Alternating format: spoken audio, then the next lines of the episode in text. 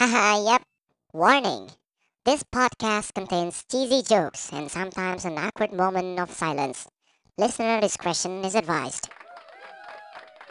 This is Frivolous Mind podcast, and things are not going better. But we we live right now, and you know, let's go. Sebentar lupa klik lagunya.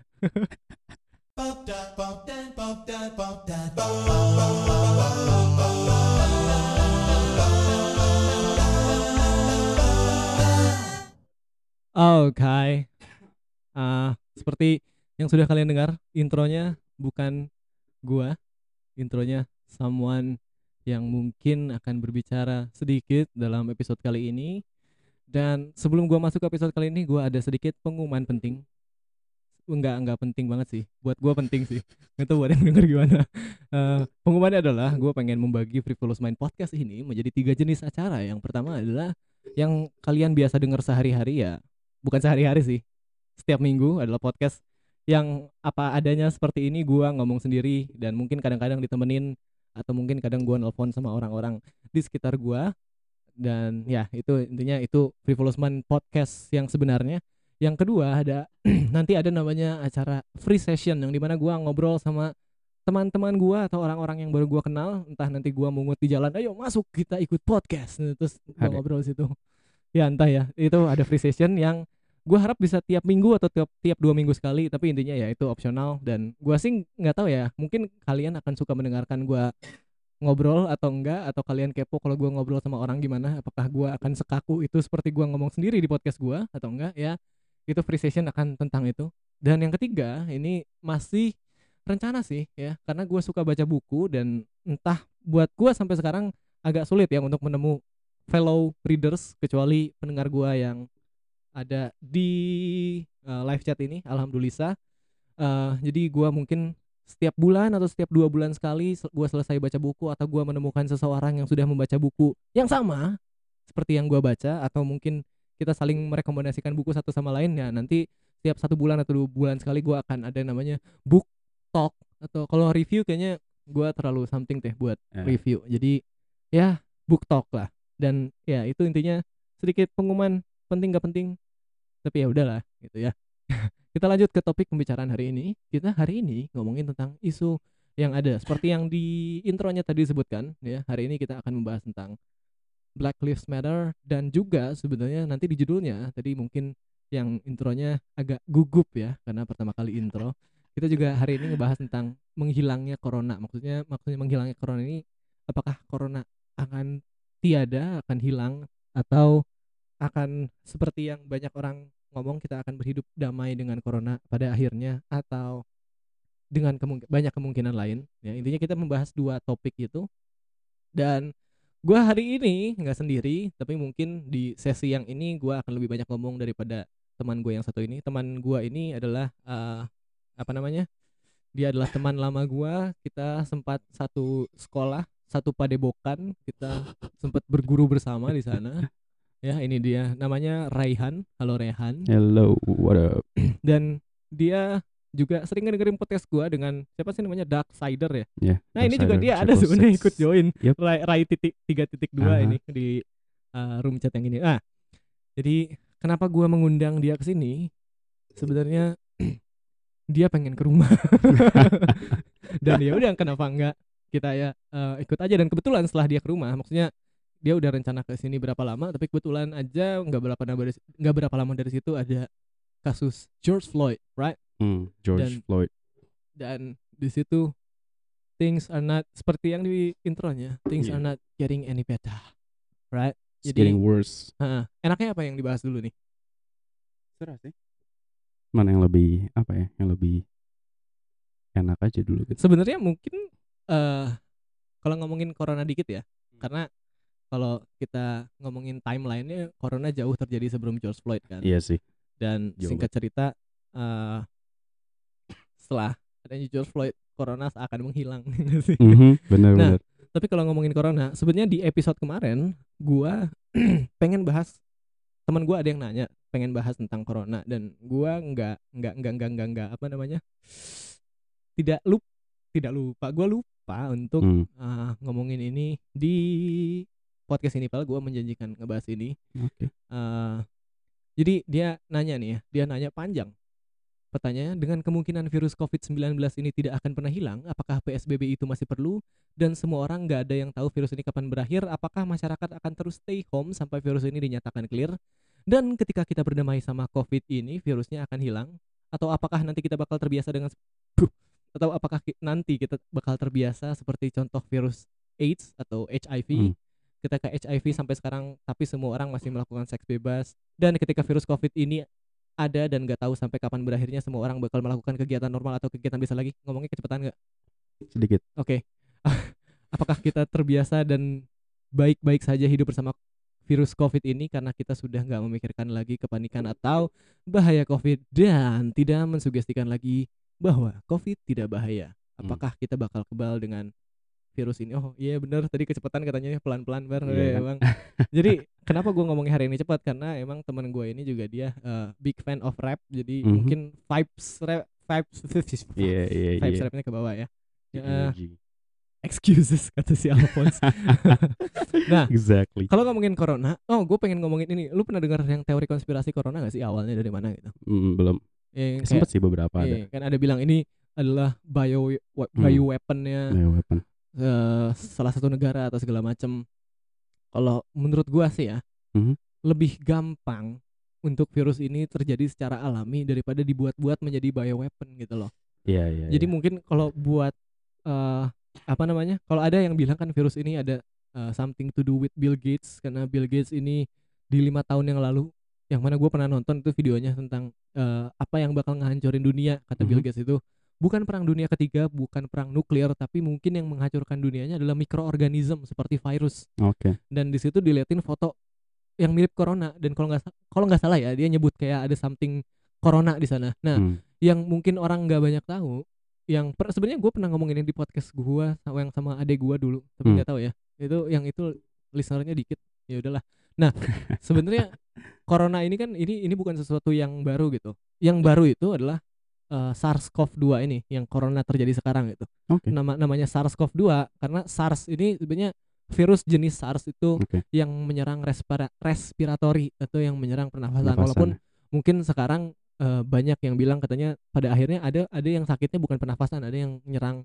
ke organ di perut segala macam Iya, gitu lah kulit juga ya. Terakhir kulit tuh. juga Hmm. katanya tapi eh, ini adalah namanya SARS-CoV-2 nama pandeminya ini adalah eh, COVID-19 itu nama pandeminya nama induknya jadi kayak nama keluarganya Ah. itu lebih namanya coronavirus di dalam coronavirus itu ada SARS-CoV-2 ini yang sekarang ini dan Oke. ada penyakit lainnya. Nah, jadi mungkin Bill Gates bilang itu dulu ya sebenarnya emang corona exist gitu dari zaman dulu Mhm. dan eh so far yang gua tahu corona ini udah exist lama itu ada di binatang gitu loh, Iya, ada iya, di iya. binatang kan. Dan sampai akhirnya satu orang makan kelawar, ini orang gabut ini makan kelawar dan akhirnya dia menjadi eh apa namanya? Ya, jadi kayak cross contamination Eh, gitu maksud- sih? eh, itu itu jadi kayak first case-nya Hmm. dan kata gua kenapa ini sangat lebih mudah untuk terjadi dan lebih logis untuk terjadi karena ya emang gimana ya untuk pandemi ini untuk sebuah pandemi itu cuma dibutuhkan satu orang gitu kan cuman dibutuhkan satu orang untuk untuk Menyebar gitu. infected dan Hmm. menyebarkan gitu loh dan kalau dibilang kenapa sebelum sebelumnya enggak kenapa pas kejadiannya tahun ini dan dengan orang itu gitu misalkan ya Mhm. emang sesimpel kebetulan aja gitu Iya, loh iya, ya kan waktunya aja. dan dan kalau misalnya kita ngomongin tentang bagaimana virus itu bekerja kalau gue lupa nge eh, mute Discord sebentar ya ingetin tadi gue ngomong sampai mana nah oke oh ya dan eh, kalau kita pengen tahu bagaimana virus itu bekerja ya kan virus itu kan eh, berbeda dengan ada ada virus ada bakteri ya Hmm. kan dan virus ini jauh lebih kecil dari bakteri kalau kita ngomongin bakteri eh itu ibaratnya dia tidak tergantung dengan host gitu loh. Bakteri mungkin sejenis mikroorganisme yang entah ya cara kerjanya gimana harus nelfon dokter sebenarnya Iya, tapi belum janjian. Nah, eh kalau virus itu virus itu sangat tergantung sama hostnya, sama sangat Oke. sama yang ditempelnya, bisa ke tanaman, bisa ke eh Binatang. binatang, bisa ke binatang yang berpikir which is manusia. Asik. nah, tapi intinya sangat tergantung dan cara kerjanya virus itu kan eh, mutasinya bisa berbeda kan. Ada muta mutasinya ada yang ke penularan, ada Hmm. mutasinya ke yang gimana caranya mematikan. Iya Nah, iya iya. kalau logikanya kalau yang mematikan karena dia bisa memanfaatkan sebanyak mungkin dari hostnya, akhirnya virus ini tidak menular karena ya udah si arah mutasinya dia terus bikin hostnya kelabakan aja gitu. Apa Oke, kelabakan oke, kayak oke. hostnya Iya sampai iya. kayak Makin mau mati parah gitu ya. Nah, heeh. kalau yang menular, yang misalnya arah mutasinya ke penularan, dia pada akhirnya karena awalnya dia sudah misalnya virus ini mutasinya ke penularan, dia tidak akan bergerak ke arah mematikan Hmm. karena cara dia mereplikasi diri, eh cara dia bertahan hidup adalah mereplek, me- Mereplikasikan diri. mereplikasikan Hmm. diri ke eh, orang lain. Jadi gimana ya? Kalau virus ini udah kayak udah sampai sekarang nih. Kalau gua ternyata belum dikecilin suara di- jadi bunyi cetang cetung. Nah, ini. Oke. Sekarang virusnya karena udah di titik ini, jadi udah nggak mungkin lagi eh untuk menjadi tambah parah penyakitnya, Hmm. tapi tambah menular. Tapi buat gua di saat virus ini sudah sangat menular, misalnya sudah bisa airborne gitu. Kalau sekarang kan bukan airborne masih Iya iya, droplet itu kan. droplet Hmm, kan hmm. kayak masuk ada di dalam cairan kita Ya. kalau kita ngeludah atau segala macam tuh Mhm. masuk situ. Nah, tapi kalau di saat virusnya sudah masuk ke molekul-molekul udara itu udah sangat tidak berbahaya sama sekali gitu. Kayak you can live with it pada akhirnya gitu dengan Oke. virus ini. Dan eh ya jadi sesimpel itu awalnya corona gitu loh. Enggak buat gua sih itu penjelasan yang paling logis dan paling simpel buat gua. Iya, jadi iya. untuk percaya ini adalah bioweapon dan bla bla bla segala macam mungkin ah it's too much ya buat gua Iya sih. Mm. dan ah kalau dilihat tadi pertanyaannya ini intinya kan pertanyaan menuju ini gimana masa depan dunia dengan tentang corona ini kan eh weh dibilang Alphonse Barat terlalu energik ini pertama kali ya gue sangat se energik ini di podcast Yoi. karena gue punya teman biasanya gue I'm so lonely. Nah lanjut eh tadi sampai mana? Tadi sampai mana? Nah nah nah, nah ya pertanyaannya kan eh Bagaimana ke masa depan depannya? kan? Mm. kalau dilihat gua baru gua baru ini lihat eh, apa namanya? Eh, video dari TED. Tahu nggak? Iya TED iya. ya TED- kan kayak how TED Talk, coronavirus TEDx gitu. will end gitu kan. Ada ada ada tiga jalur kata dia. Yang pertama adalah eh, membiarkan seakan pandemi ini seakan pandemi ini tidak ada jadi membiarkan orang-orang keluar yang mana akan membentuk herd immunity herd Ah. immunity kan the idea of herd immunity adalah orang yang udah terkena virus akan membentuk antibody untuk melawan virus ini Hmm. sehingga saat dia sembuh dia tidak bisa tertular lagi dan kalau kita sebarin virus ini gitu maksudnya ya ngebiarin orang aktivitas biasa pada akhirnya orang akan membentuk antibodinya sendiri sehingga virus ini mati dengan sendirinya gitu kan. Nah, tapi sekarang eh masalahnya ada orang yang pada akhirnya gagal untuk membentuk antibody dan dead gitu kan. Nah, itu kan ada pertama. Yang kedua, usut punya usut asik. Gu, eh, katanya, katanya oh katanya, tata tata tapi tapi katanya ada eh ada yang terkena lagi setelah sembuh dari penyakit Oh, ini iya, gitu, iya, ya iya. kan jadi kalau ngomongin herd immunity mungkin sangat beresiko gitu kan Iya lah sangat jelas. beresiko di sini ya kalaupun iya terbentuk antibody gitu kalau misalkan iya ada satu orang yang bisa ngebentuk antibody dan tidak terkena virusnya lagi itu akan mengorbankan jutaan orang lainnya gitu loh jutaan orang lainnya jadi mungkin kayak coronavirus itu Thanos kecil lah Thanos Iya, mini iya. gitu kan Iya tapi mungkin mirip kayak Black Death gak sih? ya tapi Iya. kalau Black Death itu jauh lebih parah lagi kan Iya lebih dan parah kalau ngomongin pandemi sebelumnya kayak Mhm. cacar tahu cacar kan Iya iya, smallpox. smallpox ini kan Mhm. di Amerika dulu membunuh banyak orang Iya gitu parah kan sih. tapi sampai ketemu virusnya apalagi Black Death Black Death itu tahun 1300 Iya Iya kan? udah lama banget ya. dan Zaman itu kayak Age.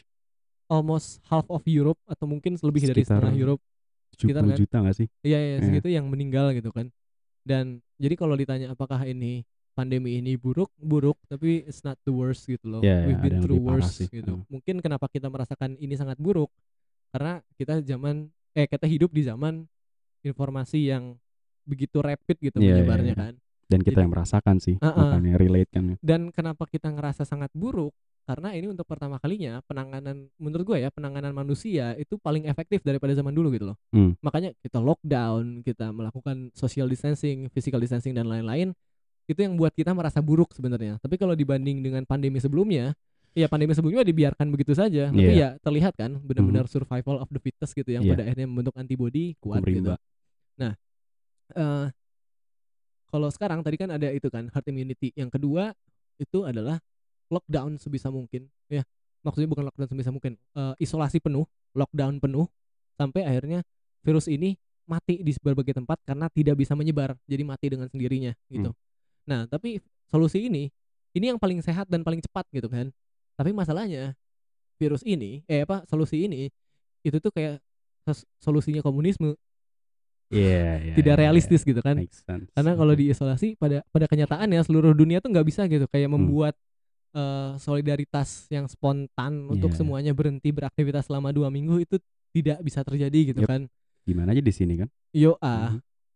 Udah ke mall nah nanti Iya gua bahas kan? yang ke mall nah eh dan jadi akhirnya yang paling sampai sekarang paling make sense adalah eh untuk kita sebisa mungkin sambil menunggu vaksin sambil menunggu vaksin kita eh eh, eh, eh, eh, sambil menunggu vaksin kita sebisa mungkin melakukan physical distancing Iya, gitu iya. loh jadi mungkin eh sekarang kebijakannya kan namanya new normal Mhm. ya kan new normal ini ya bukan berar bukan berarti kita back to normal tapi ada regulasi yang baru untuk beraktivitas sehari-hari sampai kita menemukan vaksinnya dan vaksinnya itu ya setahun mungkin paling Iya. cepat lah setahun gitu loh kan karena eh ya ada testing segala macam dan kalau ngomongin virus buat gua ini apa sebuah mikroorganisme yang sangat unik ya karena kayak Mhm. virus tuh tiap virus tuh punya karakternya sendiri dan eh, kekebalannya sendiri. Bakteri juga banyak jenis bakteri Iya. kan. Tapi kalau kayak semua jenis bakteri itu bisa dengan antibiotik. Ya kan? Itu bisa membunuh bakteri. Tapi tetapi tetapi gue kenapa suka banget ngomong itu sekarang gara-gara Skip bro. Eh, Gak banget. kalau ngomongin bakteri ini ini sebenarnya udah lama dari beberapa tahun kemarin beritanya kayak isu-isunya ada namanya si judulnya The End of Working Antibiotics Hmm. jadi mungkin setelah corona pandemi ini berakhir beberapa tahun dari sekarang entah satu dekade atau lima tahun atau mungkin dua tahun setelah corona berakhir ada masanya di saat antibiotik berhenti bekerja. Karena bakteri pun semua makhluk hidup itu berevolusi Iya. kan. Jadi mungkin ada di satu poin bakteri satu bakteri aja kan. Untuk untuk terjadinya evolusi itu cukup satu orang atau satu individu atau satu bakteri kayak gitu kan. Satu spesies satu entity lah Hmm. ya dari situ mereka bisa meneruskan atau melipat gandakan atau ber- atau bereproduksi atau apa pun lah gitu kan Hmm. untuk menyebar gitu nah jadi untuk the end of working antibiotics ini cukup satu bakteri yang bermutasi kebal terhadap antibiotik yang mana pada akhirnya bakteri ini akan menyebar dan mungkin seluruh dunia akan eh, bakteri ini akan menyebar ke seluruh dunia yang mana nanti antibiotik itu Tidak nggak bekerja ya? bekerja Hmm. ke bakteri ini yang mungkin akan menjadi pandemi selanjutnya Hmm.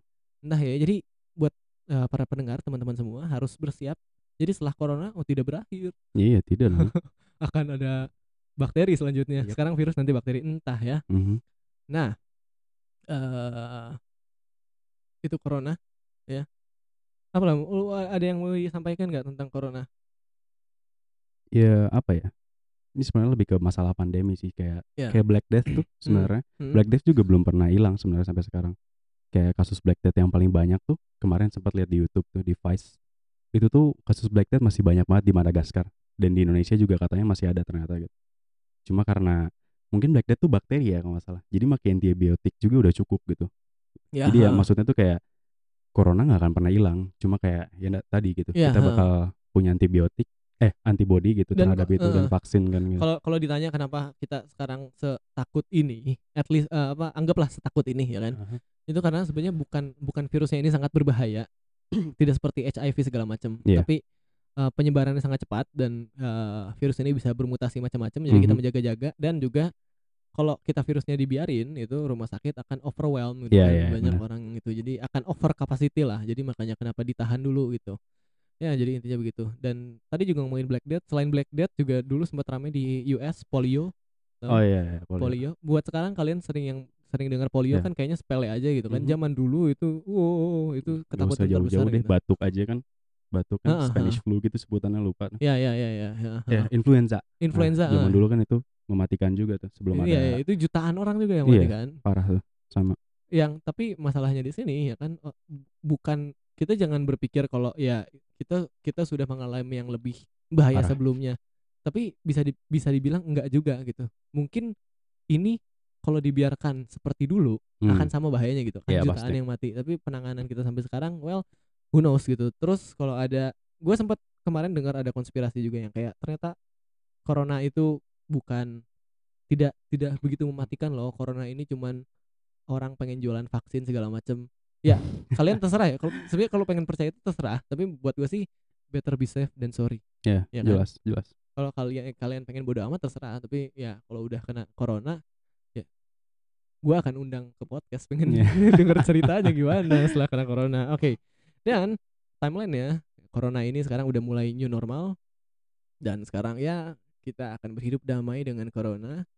Jadi kebetulan waktu lebaran kemarin corona juga datang ke rumah. Jadi kita minal aizin wal faizin sama corona terus keluar keluar gua gua berdamai Oh, Oke, oke, baik sekali ya. Ternyata corona itu apa sen apa bisa berpikir gitu ya, Iya. punya kepribadian gitu ya. Hmm, keren sekali.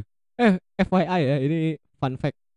Eh, bakteri dan virus itu udah tidak dianggap makhluk hidup. Karena eh, makhluk hidup dalam definisi biologis itu punya kesadaran atau bisa merasakan sensasi. Sedangkan untuk merasakan sensasi kan harus ada otak segala macam. Hmm, Oke. Jadi karena virus itu cuman mengandung DNA, gen dan segala dan yang kayak gitu mikro lah. Nggak mereka nggak punya sensasi rasa sakit atau eh, apalagi kesadaran gitu masih jauh dari situ. Jadi eh, kalau kalian ingin membunuh corona, pengen menyiksa corona ya silahkan karena mereka tidak bisa merasakan sakit. gitu. Gak ngaruh juga, Bro. Iya. Terus ini eh, kemarin kita sempat ramai dengan yang apa namanya di tengah-tengah corona ada mall dibuka dikit terus datang Iya, iya, itu Rame. parah sih. Itu parah banget. Nah, ini ada ada yang mencetuskan argumennya dia. eh gue boleh nyebut di sini gak ya? Alhamdulillah, gue baru kepikiran argumen tentang lu, Andre, Eh, tentang yang masalah George Floyd dan eh, Coronavirus. coronavirus. Oke. Ya, dia punya argumen yang menarik, tapi mungkin gue eh, nunggu Keep dulu lah. skip dulu. Jadi ya, jadi timeline-nya adalah setelah dari situ dia keluar, orang-orang keluar banyak yang protes, ya kan? Dan terus dari situ eh yang nanya ini Gusti nanya, emang lo tahu bar isi pikiran para bakteri? Nah itu dia.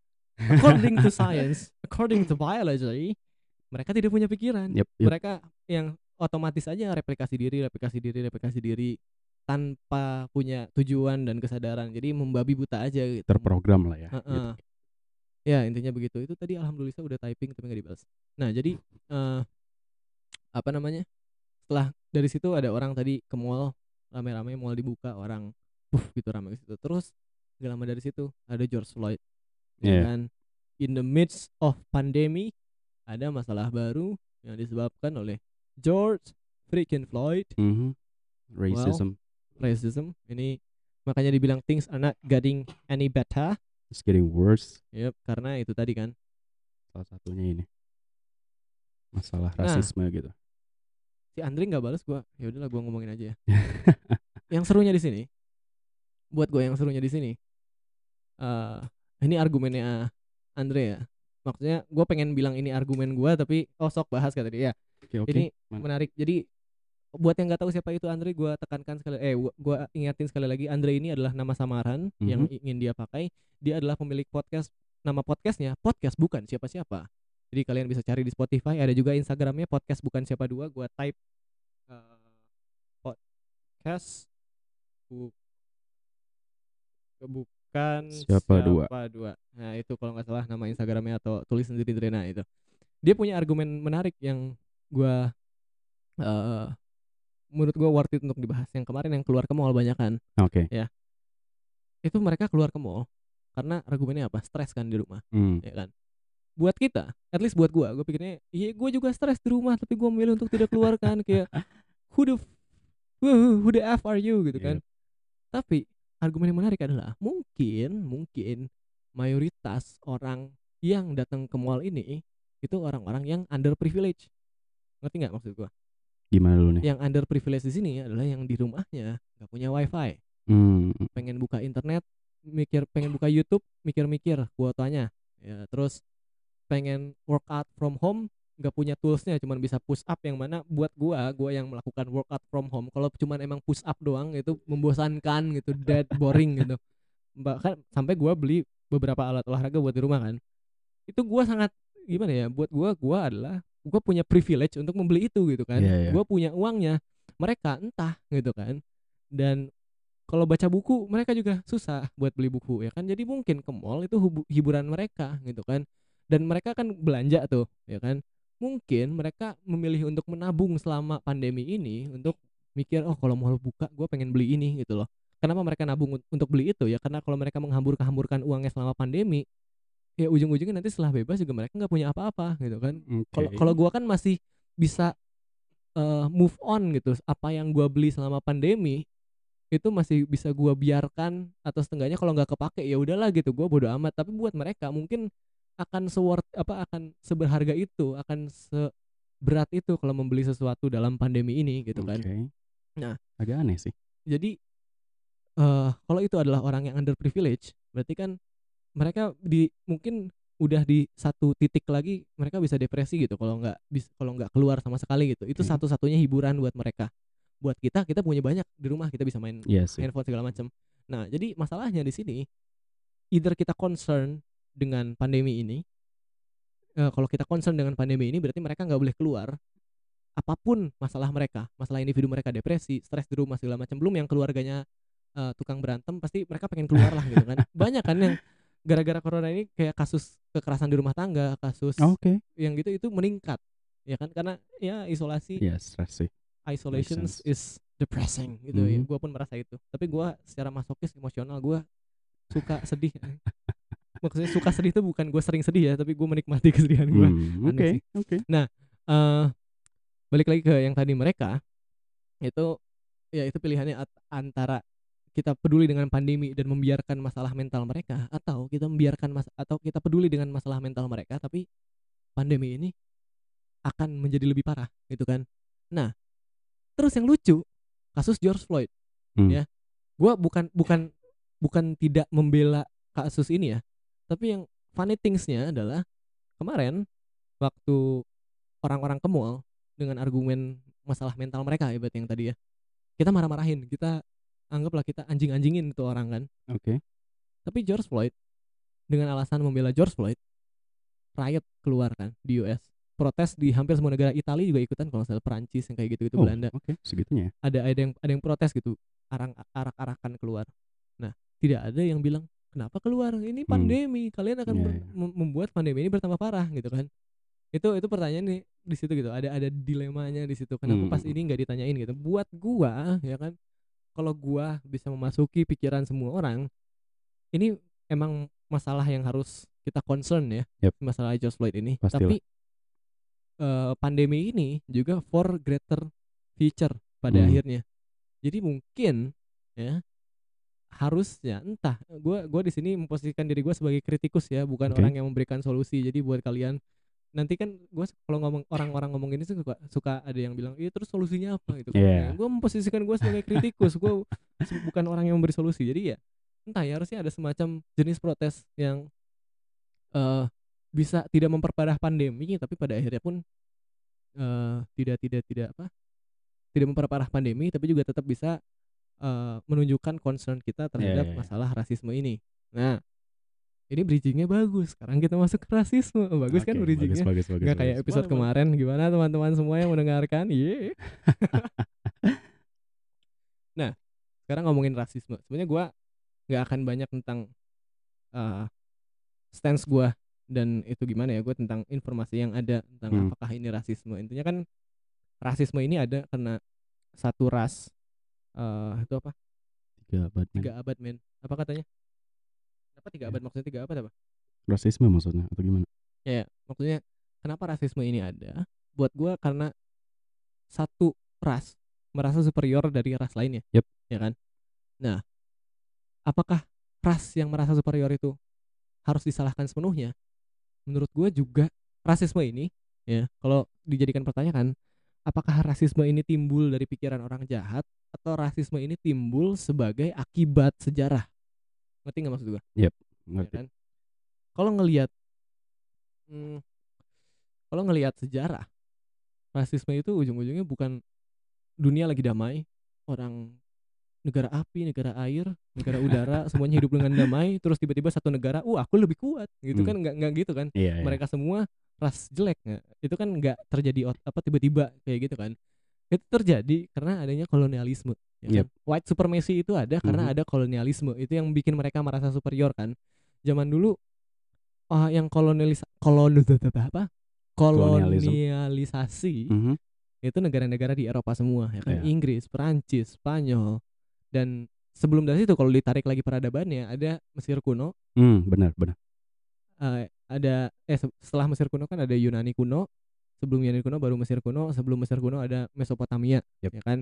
Nah ini dibahas sedikit sebenarnya di buku yang gua baca Sapiens yang gue pernah pernah nge-quotes buku ini berapa kali kan?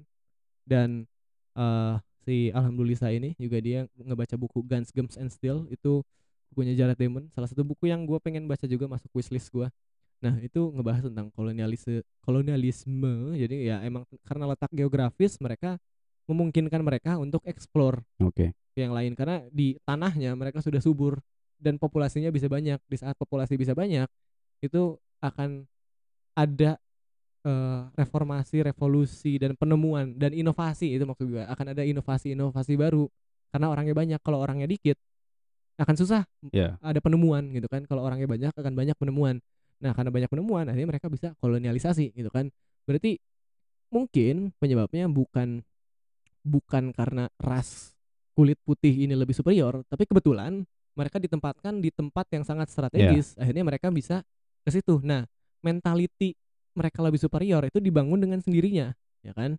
Nah tapi kalau kalau ngomongin apakah mereka superior iya atau enggak pada masanya mungkin untuk pada masanya ya untuk mengolah data secara kolektif mereka lebih superior daripada ras lainnya gitu kan maksudnya eh, mengolah data secara kolektif adalah ya bikin inovasi itu tadi dicatat Oke. buku. ya. terus buku ini diolah sama orang-orang lainnya dan akhirnya menemukan sesuatu ya kan Arsip ya. Mm-mm, mungkin secara pengolahan data seperti itu mereka lebih efektif tapi kalau ngomongin sekarang kan tentang Black Lives Matter ya ini emang pada faktanya 400 tahun orang kulit hitam diperbudak di Amerika ya kan Yap. nah mungkin ya ini mungkin menurut gua itu mereka secara fisik dibangun lebih kuat Iya.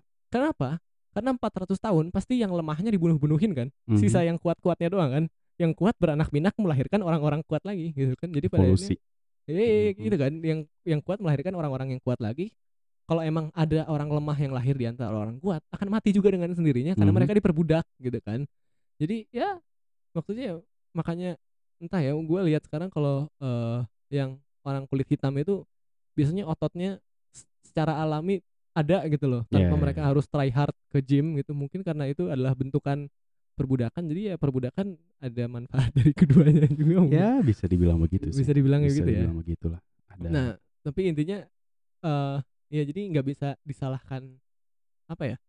Sepenuhnya juga untuk white supremacy ini. Tapi Mhm. mungkin yang bisa disalahkan buat eh, orang-orang zaman sekarang yang masih memegang white supremacy ini gitu. Iya. Tapi adanya white supremacy ini bukan tidak bisa kita langsung ngecap orang kulit putih sama dengan jahat. Itu mental itu dibentuk karena sejarah membentuknya begitu gitu loh Iya. kan. Ya. Ngomong ap- apa lagi ya? Ini gue Iya. tanpa catatan loh, keren aja Iya keren sih. Tumben. Biasanya belepotan. biasanya belepotan. Nah, eh kita lanjut ke masalah politiknya aja kali ya. Ya, Mhm. jadi karena eh, segala macam kalau gua sih stance gua adalah ya semua orang punya hak yang sama karena eh, apa namanya? Kita hidup di zaman sekarang itu gimana ya? Udah udah udah maksudnya human rights humanis humanisasi itu widespread lah ya. Udah ada di semuanya dan menurut gue ya udah nggak ada salahnya untuk memberikan hak yang sama ke semua orang Mhm. dan ya udah gitu kan tapi oh ada yang menarik terakhir nih terakhir ini kalau kita ngomongin evolusi ya entah evolusinya berasal dari Nabi Adam atau berasal dari evolusi Darwinian ya Mhm. Ada kemungkinan yang menurut gue cukup menarik jadi Oh, dari oke. dari kedua dari kedua cerita ini ya baik dari uh, cerita Adam Hawa atau dari Darwinian ada kemungkinan jadi kenapa kita ada ras yang beda-beda ada Chinese ada Jep ada Chinese ada Japanese ada orang Indonesia Mhm. white, black.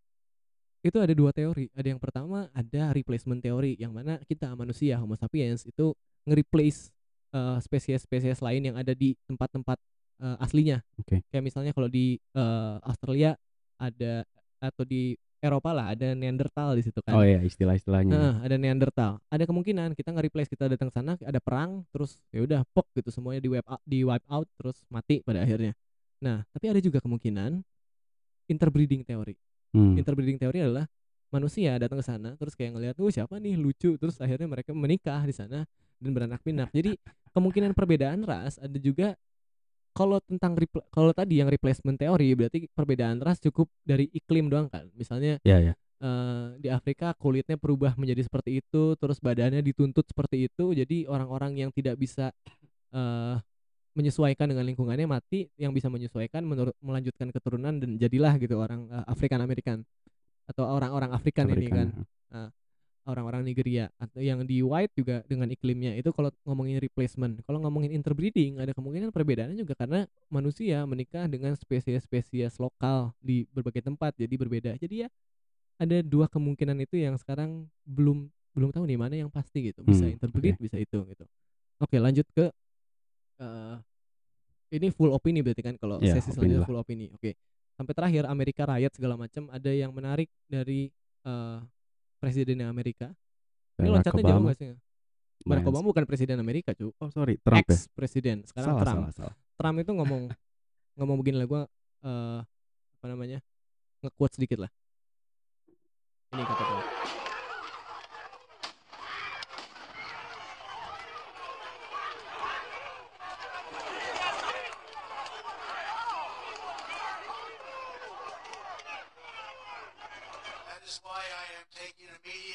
presidential action to stop the violence and restore security and safety in America.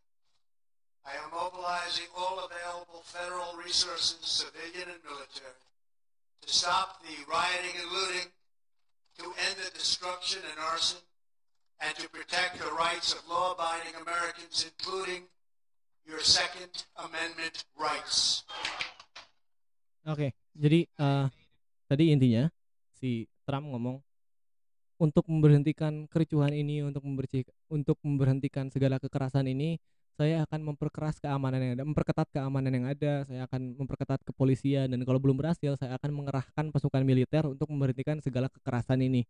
Maksudnya riot itu emang tentang kekerasan kan, kericuhan tentang ke- kekerasan, tapi masalahnya di sini orang-orang tambah marah karena Trump ini sama sekali tidak acknowledge suara-suara rakyat gitu loh Mhm. mereka kan pengen ini ada George Floyd meninggal ayo diselesaikan masalahnya ya kan Trump ini tidak acknowledge itu sama sekali. Yep. tidak dimention. Dia bilang cara memberhentikan kekerasan rakyat ini adalah memperketat keamanan. Ya di situ orang-orang tambah marah dong. Iya. ya kan? Salah banget sih. tapi yang Salah anehnya Trump ada loh itu yang ngedukung. Ya apa ya itu ada kalau menurut gua sih itu kayak ada apa ya paham-paham elit lah gitu. Kenapa orang ngambil kubu dan lain-lainnya untuk ke- kepentingan masing-masing juga gitu kepentingan individualitas aja sih gitu. Tapi emang si Trump ini gimana ya Eh, untuk memperbaiki ekonomi Amerika emang dia sesuai Iya. visinya make America great again dan emo- eh, ekonomi Amerika sekarang emang melejit gitu kan makanya kemarin kita rupiah sebelum corona ya sebelum corona kan rupiah sempat turun tuh ya ya ya kan? parah sih itu Hmm. bukan rupiah turun dolarnya naik gitu Yap. kan itu karena apa yang Trump lakukan berhasil gitu kan economically gitu kan Mhm.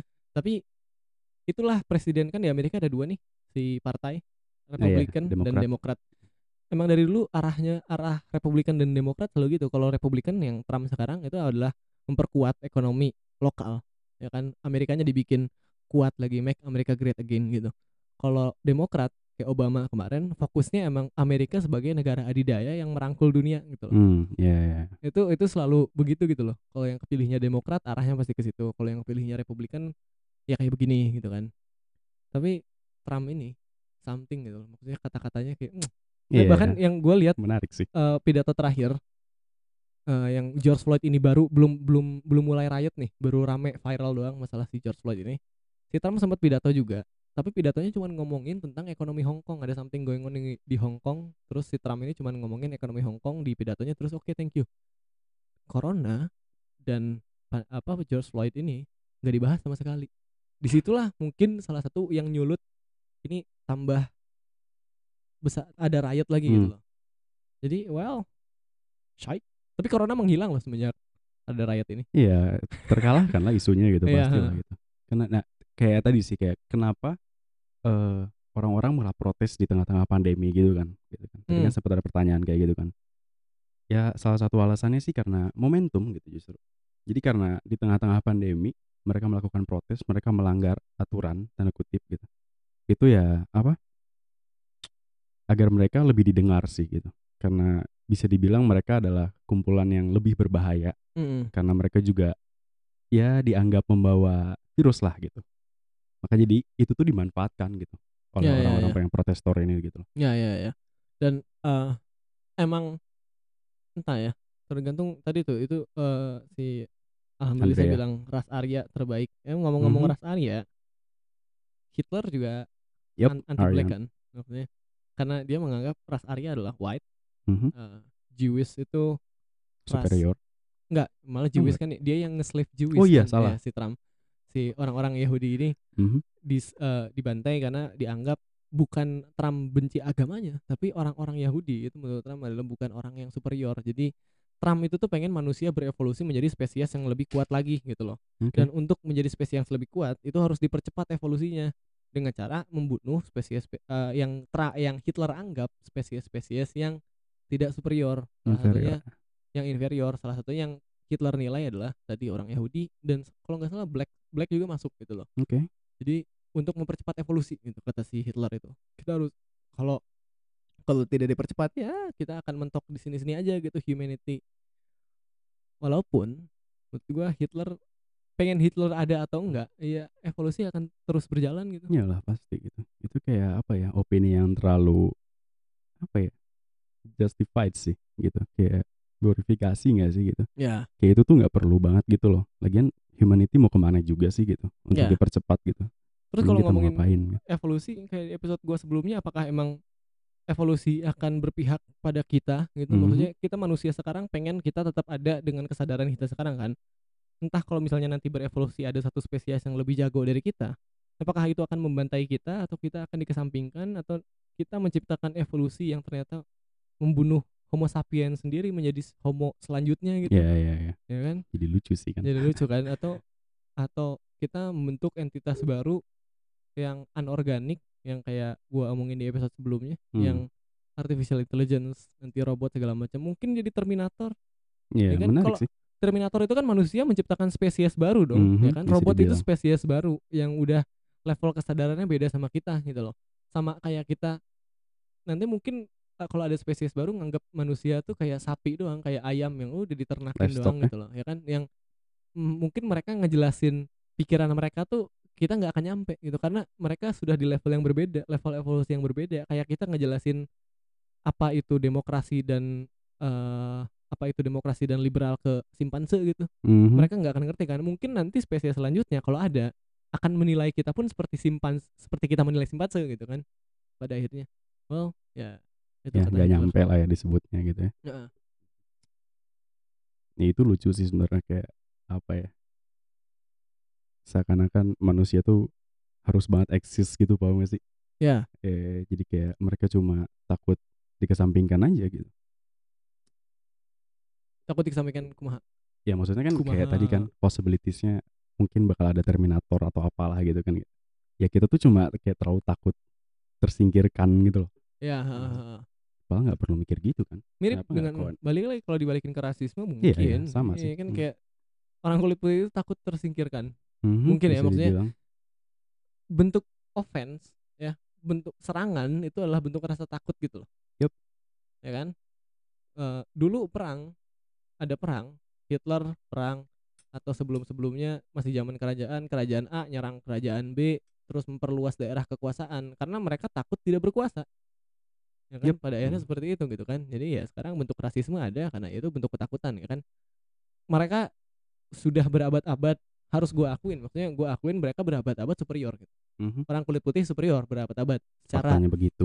faktanya begitu ya Mhm. kan? Secara eh, apa ya? Secara politik bukan apa ya secara ya apa ya secara pemerintahan ya kan dan secara peradaban Mhm. mereka superior gitu kan kalau ngomongin individu per individu itu kompleks banget kan ada Ya, itu susah tapi kalau Hmm. secara peradaban mereka sampai at least beberapa abad terakhir mereka paling superior ya kan yang paling maju intinya gitu ya karena mereka punya sense of superiority akhirnya mereka rasis karena mereka takut mereka kehilangan superioritasnya Mhm. gitu kan Ironi sih di situ kayak human nature gitu kan sebenarnya gitu kan. Hmm. Hmm. ya emang sifat human nature kan ya superior itu mungkin menurut mereka menjauhkan diri mereka dari kematian Mhm. kan. tapi intinya itu kan manusia kan menjauhkan diri dari kematian Mhm. menjauhkan diri dari rasa sakit rasa bahaya jadi ya mereka being racist adalah bentuk eh, defense mechanism mereka sebagai manusia yang mungkin eh, ujung-ujungnya kalau ngomongin benar salah buat orang yang mesti percaya white supremacy ya menurut mereka benar menurut kita Yep. salah gitu kan Mhm. jadi ya Relatif sih. relatif tapi relatif. mungkin kebenaran yang sekarang yang harusnya dipegang adalah ya yang disetujui oleh mayoritas orang Mhm. worldwide gitu kan sekarang manusia lagi zaman zamannya humanisme kan ya berarti kebenaran yang ada sekarang ya adalah kebenaran humanisme ngerti gak sih Kesetaraan. iya Hmm. ya ini begitu Iya begitu. Ada lagi nggak Apa ya? Mulai dari mana coba? Ah, kurang dekat mic nah Iya. Mulai dari mana ya? Susah sih. Soalnya agak panjang gitu loh bahasan itu sebenarnya.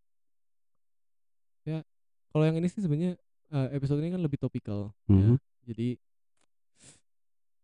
nanti buat para pendengar nih ya buat para pendengar eh gue belum buka discord dari tadi eh itu apa Hitler apa Trump kata Gustin Mana tuh? Hitler apa Trump maksudnya Hitler apa Trump kamu nyuruh kita Memilih gitu. memilih voting gitu ngomong-ngomong Hit- ngomong-ngomong Trump itu nanti tahun ini kan ada eh apa namanya election Oke. di Amerika Mhm. apakah Trump akan terpilih lagi atau enggak soalnya lawannya juga kurang kuat Joe Biden Gak pernah dengar. Joe Biden itu gimana ya mungkin gua pun gak terlalu banyak ngeliat dan ngikutin si Joe Biden ini kayak gimana ya tapi orang US pun banyak yang kurang ngelihat Kanye West dong. ngelihat Joe Biden tuh kayak ah gimana gitu dan pas gue lihat Joe Biden pidato juga gimana ya? Impressionnya kurang. Iya, Hmm. karismanya juga kurang gitu loh. Jadi untuk orang memilih lagi Trump kemungkinannya ada dan soalnya ada gitu yang milih Trump kan. Khususnya Trump itu kan banyak menang di Southern Amerika gitu loh yang kayak di Hmm, Texas, iya, iya, iya. ya kan. Mississippi man Mhm. gitu yang kayak gitu-gitu itu Trump suaranya besar gitu di situ. Dan khus- khususnya juga para kapitalis konservatif Amerika yup, itu jelas. milih Trump gitu karena wah I don't give a shit gitu Trump apa moralnya gimana tapi he Iya. did things to our economy gitu Mhm, pada ya itu kan kayak kepentingan masing-masing juga kan, Iya, gitu kan. heeh. Untuk para kapitalis ya paling menguntungkan ya memilih Trump gitu. Karena Bukan artinya untuk gua tidak kapitalis ya. gitu. Iya sih. Cuma kayak ya untuk individualitas ya mikirnya Ya. duit nggak sih gitu. Iya iya. Ya rata-rata itu pemilih kan. mereka begitu nggak sih gitu. Heeh, heeh. ya makanya ada kemungkinan Trump re-elect kepilih lagi gitu kan re-elected dan kalau iya pun ada ada ada dua kemungkinan antara Amerika emang great again maksudnya greatest gitu kan pada akhirnya atau kemungkinannya ya Amerika fuck up dengan penuh riotnya gitu soalnya eh, sistem pemilihan Amerika kan bukan yang menang dari suara terbanyak tapi dari Regional ya. regional kan jadi eh, ibaratnya Jawa Barat yang menangnya misalnya Jawa Barat tuh presiden eh, pemilihannya antara Trump dan Joe Biden gitu kan yang menang di Jawa Barat itu Trump nah Jawa Barat itu cuman ada satu suara ya Trump Hmm, Ini kan. Oke. Jawa Tengah misalnya yang menangnya Joe Biden Jawa Timur yang menangnya Trump berarti Per Trump daerah ya? Mm-mm, Trump Hmm. punya dua suara Joe Biden cuma punya Satu. berarti yang menangnya Trump yang jadi presidennya Trump itu kan jadi kalau populasinya sebenarnya mungkin lebih banyak di New York di Washington segala macam tapi kalau regionalnya lebih banyak di Trump ya Trump yang menang Trump yang gitu. menang ya. dan nggak ngerti gimana pemilihannya lebih ribet kok lebih lebih banyak birokrasinya sih. gitu Iya, pemilihan terdengar Eh, aneh sih. Heeh. Hmm. jadi ya ada kemungkinan kepilih lagi kalau kepilih lagi ya antara Amerika great again atau Jadi hancur hancur. dengan riot Ya, di situ juga ironis sih gitu kayak tujuannya untuk membangun ekonomi kan gitu. Tapi kalau moral tidak diperhatikan juga kan orang-orang kan punya free will, orang-orang punya ekspresi dan apa? kegelisahannya masing-masing gitu loh. Ya, makanya ada terjadi kan George Floyd yang kemarin itu Iya, yang sekarang-sekarang lagi hangat. Oh iya ngomong-ngomong George Floyd gue lupa ngomongnya tadi. Itu ternyata eh kenapa sekarang riotnya belum beres? Padahal kan itu udah dituntut tuh si empat polisi itu. Mhm. eh yang satu yang eh nginjek lehernya itu udah dituntut kasus pembunuhan. 25 tahun kan. Heeh. Sisanya itu mereka cuman masuknya assisting murder. Hmm. Membantu pembunuhan. Nah, tapi rakyatnya belum beres kan. Ternyata yang dituntut oleh para Americans ini adalah pengen departemennya change the whole system. Mhm. Nah, itu di sama Obama ada tweetnya. Oh yang tadi ya. Heeh. iya, iya. Dibacanya nanti aja lah di free session. Oke. Jadi intinya Obama ini kalian benar maksudnya tujuan dari demonstrasi ini adalah untuk menimbulkan suara gitu kan biar Mhm. suara ini bisa spread ya kan bisa menyebar spread nah terus tapi kalau kalian pengen protes dan merubah sistem kepolisian yang di sana itu harus ke yang berwajib yang berwajib di sana di Minneapolis eh, apa Minia, mini, ni- Minia- Minneapolis. Nah, di Minneapolis kan. Nah, itu harusnya yang di eh, ke mayornya. Pokoknya mayor di situ ber- punya wewenang atas kepolisian Minneapolis. Jadi Oke. sebenarnya untuk eh, terus nge-push ke Trump juga sebenarnya bukan langkah yang benar, tapi langkah yang benar Yep. adalah ke Minneapolisnya gitu kalau si eh, Obama. Obama Apalagi bilang gitu. Tapi sistem Obama, serikatnya kan ya. Heeh. Tapi Obama lebih clear gitu. Maksudnya itu kayak dia bukan presiden tapi pesannya lebih clear gitu. Kalau yup. kalau Trump aja pidatonya kayak gitu, itu rakyatnya nggak akan lama gitu. Iyalah, Corona pastilah. tidak akan hilang. Tapi Mhm. thanks to Trump, corona hilang. Sekarang kita terbebas dari pandemi gitu kan. Karena isunya teralihkan doang. Heeh. Tapi ya gitu. Ya, ada yang join namanya Mars. Halo Mars, gue belum pernah lihat itu siapa. Oh, Halo Mars. Halo Mars. Kita Venus. Serece itu gue. nah, eh eh, iya ngomong-ngomong Mars kemarin SpaceX sama NASA launch. Oh iya iya tengah-tengah pandemi itu itu keren juga sih keren juga sih mereka masih Tengah-tengah punya cukup pandemi. iya mereka masih punya cukup duit untuk ngurusin riset-riset seperti itu tapi Iya. nggak punya apa waktu dan uang untuk ngurusin masyarakatnya gitu loh kayak Sebenarnya punya sih. loh. ya sebenarnya punya cuma kan balik lagi ke prioritas sih skala Iya. prioritas Nggak sih. mungkin publikasi. Soalnya kalau gua lihat Hmm. budgetnya Amerika itu paling besar pertama militer. Militer Amerika itu budgetnya paling kenceng. Terus dari situ healthcare, police department segala macem yang kayak gitu. Itu NASA itu less than one atau 10% lah gitu Oke, budget budgetnya oke. sebenarnya kecil mungkin kalau Hmm. budget Amerika seluruhnya dikasih ke NASA mungkin kita udah di Pluto sekarang gitu. iya make sense sih bisa bisa bisa ya jadi intinya gitu nah Mhm. Ah, mungkin itu ya ngebahas tentang Black Lives Matter dan Corona. Mhm, Black Lives Matter Black Lives Matter. Mhm. Ada yang mau disampaikan kepada gimana ya mulai dari mana ya itu agak susah sih mulai dari mana bingung juga ya ngomongnya pakai intuisi aja. Intuisi. Gue belum ke- belum kepikiran sih dari tadi soalnya kayak banyak banget yang mau diomongin sebenarnya Ah, cuma kayak bingung mulai dari mana gue pun tadi sebelum podcast kepikiran mau ngomong apa ya? Eh udah kepikiran mau ngomong apa sekarang Iya, sekarang mau apa lupa. ya? Tadi perasaan mau ngomong sesuatu. Itu itu memang penyakit podcast kamu harus Mhm. merasakan itulah yang ada di kepala para podcaster. Ini makin Terlalu garing banyak nih podcastnya. iya anjir sumpah Jadi eh, ya intinya buat teman-teman yang sedang mendengar habis ini kita nggak udahan, tapi kalau pengen eh, berhenti mendengarkan juga nggak apa-apa ya setelah Mhm. ini. Soalnya ini free session Free setelah session. ini yang mana kita akan ngobrol sebebas mungkin. Bukan kita ya, kita kan kalian. Mhm. Ini kami berarti Kami, gua berarti. dan Rehan akan ngobrol sebebas mungkin. Jadi buat kalian yang pengen tahu kalau gua ngobrol kayak gimana sih orangnya boleh ngedenger, kalau yang nggak pengen tahu nggak apa-apa, nggak wajib juga. Yang wajib didengarkan cuman ini doang. Sebenarnya gue pengen bilang wajib juga nggak banyak yang dengerin tapi ya udah ya, intinya gitu. Jadi sampai ketemu di free session ya terima kasih buat yang sudah mendengarkan. Eh, dan sebenarnya nanti ada rehat untuk free session ya. Tapi untuk yang ngedengerinnya di Spotify tidak akan tahu selama rehat itu kita ngomong apa aja gitu kan. Jadi ya eh, lebih baik mendengar live tapi juga dengerin Spotify-nya. Buat apa gua upload ke Spotify kalau mau dengerin semua kan? Jadi mungkin 30% 40% pendengar Hmm. gua di Spotify yuk nonton live Iya, buat refresh live. lah gitu refresh. Kita Ah, bahas apa aja sih tapi gitu. sisanya boleh dengerin di Spotify. Eh, interaktif nggak? Free sessionnya interaktif di Interaktif sini dong. tapi interaktifnya mungkin lebih di podcast live chat ya. Karena Mhm. kalau kita ngobrol di channel voice channel yang satu lagi yang semua Wah, orang bisa ngomong kayak cicadas bro. yuk berisik ah, banget parah. lapa lapa lapa lapa lapa lapa. Yuk capek bu capek tiga ribu gitu kan yaudah intinya segitu. Mhm. Eh, semoga semua ini akan membaik. Gue baru lihat kon- konfirmasi tadi eh sekolah itu baru dibukanya Januari 2021 at Hmm, least di Jawa. Barat. Semoga kuliah enggak ya? Kayak gue pengen ketemu ya orang. semoga begitulah ya. Gue pengen ketemu orang. Oh. akhirnya gue ketemu dia Rehan ya lumayan lah ya ada sebuah kontak gitu ya. Ya dari dunia luar. Not not a friend I want but the friend I have. Anjir parah lah. Oke ternyata begitu ya. Oke oke parah sih. Nggak bercanda daripada bangkit mending mana buat yang nggak tahu siapa itu bangkit nggak usah tahu oke? Ya intinya Kenapa terima, begitu? ini terima kasih banyak buat teman-teman yang sudah mendengarkan. Sampai ketemu lagi di episode Frivolous Mind podcast selanjutnya. And as always thank you